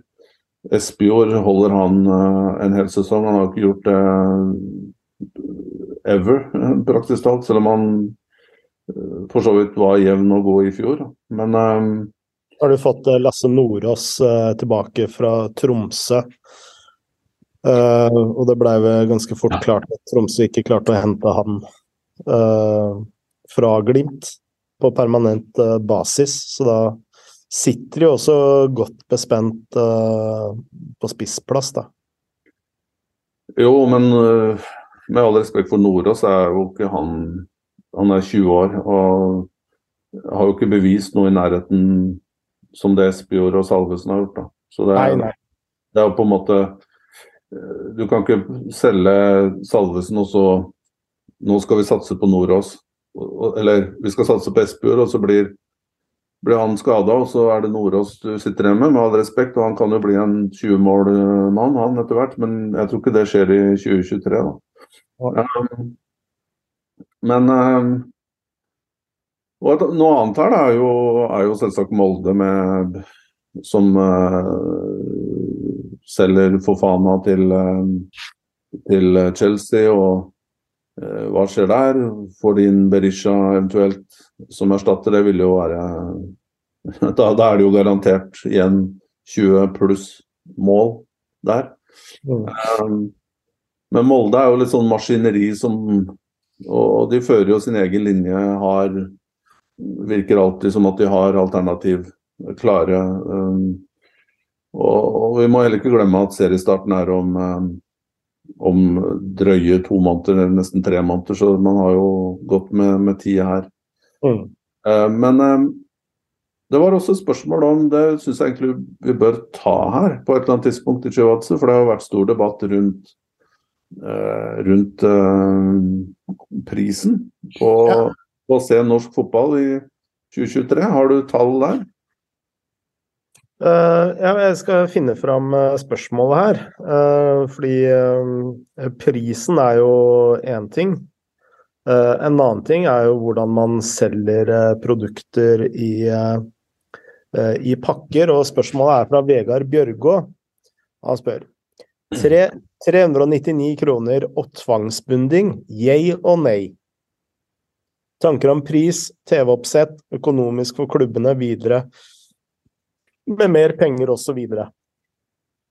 Og, altså prisen kan man jo diskutere. 399 mener jeg er eh, absolutt i det høyeste laget.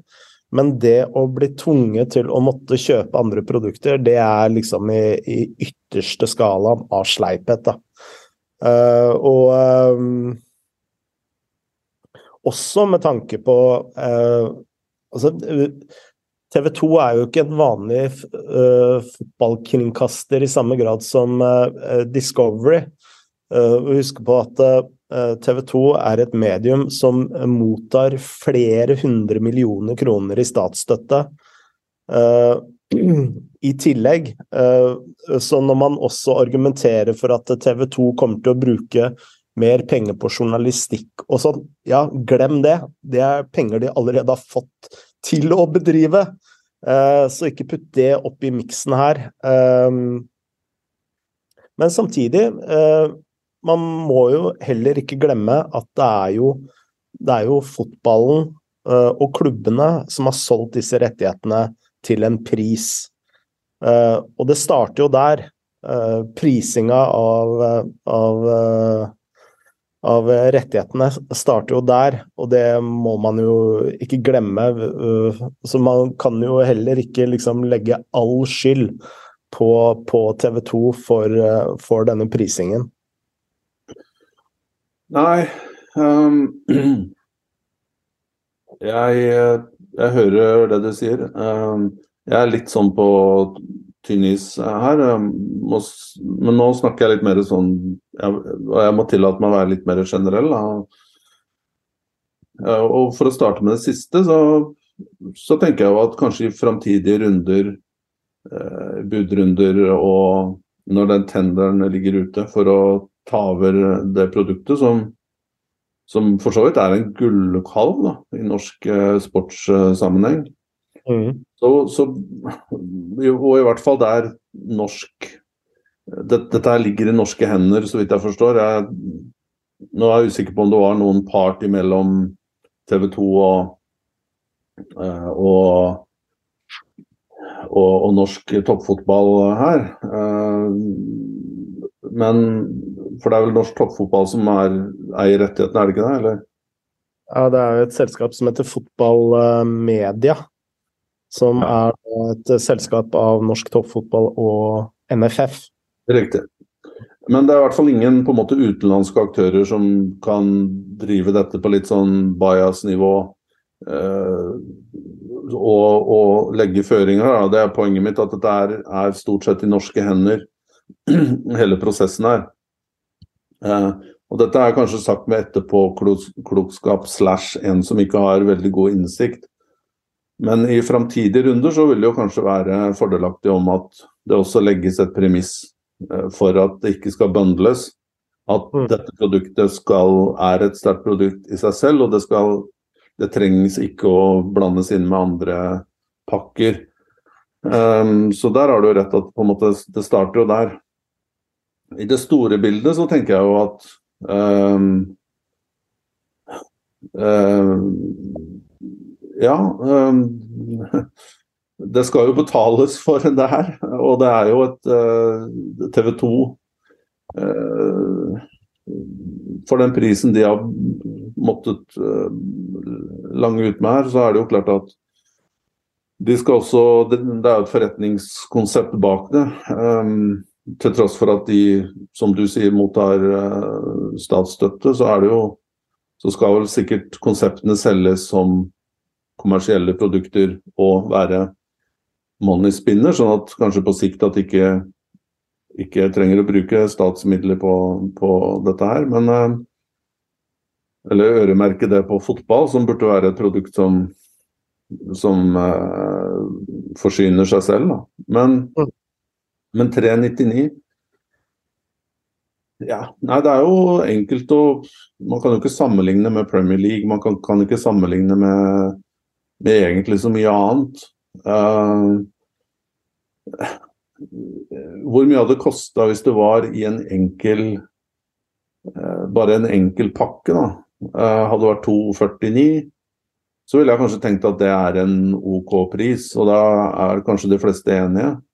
Hvis jeg hadde fått, fått en player som jeg kan abonnere, jeg vil ha norsk fotball, Eliteserien, Obos, og betale 249-299, vil jeg nok mene er en, en, en pris som man i dag Hvor en kinobillett koster borti 200 spenn, og du knapt får en eh, flaske vann på butikken til 50-lapp.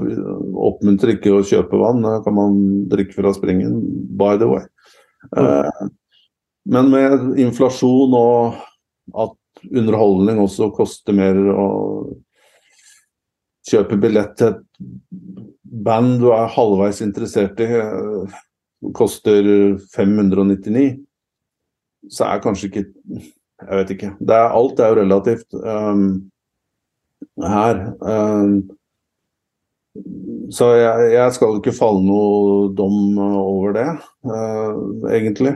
Um, når det gjelder oppsettet, så, så var det også mye snakk om og debatt rundt at kommer en tilfeldig inniblant kommer det en kamp både på mandag og, og fredag. Mandagskamper hadde vi vel også tidligere uh, også, så det er jo ikke noe nytt. Nei.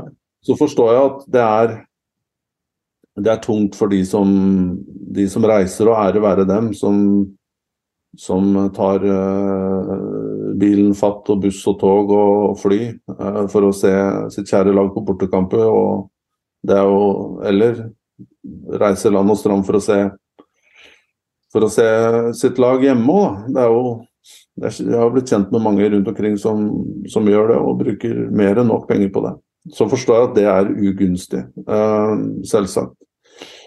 Men det er jo balansegangen mellom å tilfredsstille de relativt få menneskene som, som er så sjenerøse og har en supporterlivsstil, Mm. kontra å trykke inn noen kamper her og der som kan hjelpe å få løfte produktet uh, over en lang periode. Ja. Så her, her, blir det jo aldri et det blir jo aldri et, et, svar som kan tilfredsstille alle. Noen må være på en måte misfornøyde i, i, i, i utfallet her. Jeg er jo såpass Når jeg er i Norge, så liker jeg å gå på kamper. Uh, og beste opplevelsen å se fotball, uansett nivå og kvalitet, er jo på stadion. Og det er jo sosiale rundt det og alt mulig. Mm. Um, men jeg skal innrømme at jeg liker også å sette meg i stolen og se en liten maraton. Ja, altså. Så jeg, jeg, jeg ville jo på en måte isolert sett, hvis jeg kunne fått eh, på en søndag, i mangel på noe bedre å bedrive tida mi på en søndag, og spesielt da midt på sommeren hvor jeg for så vidt burde hatt bedre ting å bedrive tida på. Eh, men jeg har ikke båt og ikke hytte. Eh, så for meg er det ikke helt, helt utenkelig å bare sette meg til på en uh, søndag ettermiddag se Hvis jeg kunne få sett kamper f.eks. klokka fire, seks og åtte fra Eliteserien, så ville jeg vært veldig fornøyd med det. Uh, og det får man vel ikke med den pakka her. Mener, jeg mener det er to kamper på lørdag, to på søndag, seks og åtte, noe sånt. Um, så jeg, jeg, kunne jo godt tenkt meg en firekamp òg, men jeg forstår igjen at dette er uh, andre hensyn enn en meg uh, som skal uh, veies opp her. Nei, bare for å snakke supporternes sak litt her, da, så tror jeg dette handler om en totalitet at uh,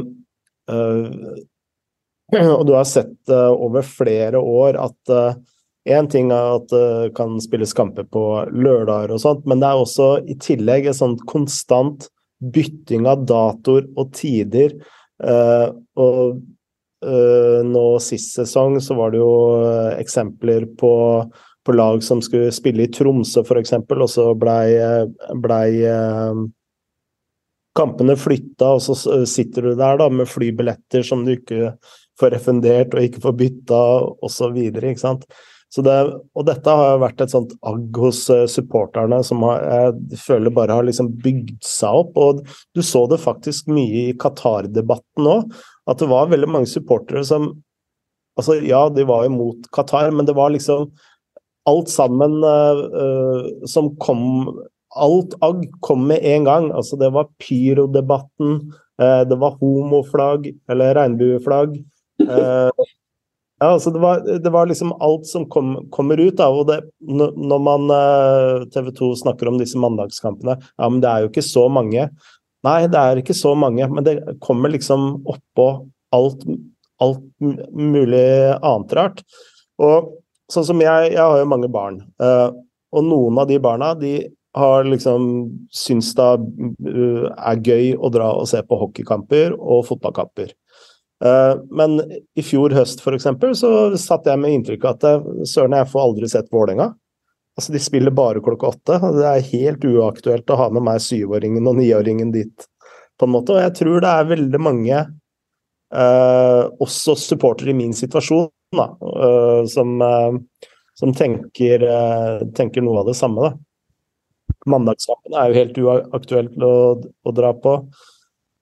Uh, fredagskampene hvis, uh, Nå har jeg ikke helt oversikten når på fredagene de kampene går, men uh, alt etter klokka seks er jo egentlig helt uaktuelt for barnefamilier å, å dra på. Så det, det, er, det, er, Jeg skjønner at det ikke er et, et lett puslespill å, å, sette sammen, men det er, det er, veldig mange som Og når du da også liksom tvangsbundler eh, sendingene og har en såpass heftig pris for 399, fordi du som forbruker, da, som er bare interessert i Eliteserien, du ser på denne bønderen som at du betaler 399 for å se Eliteserien, selv om du får med andre ting.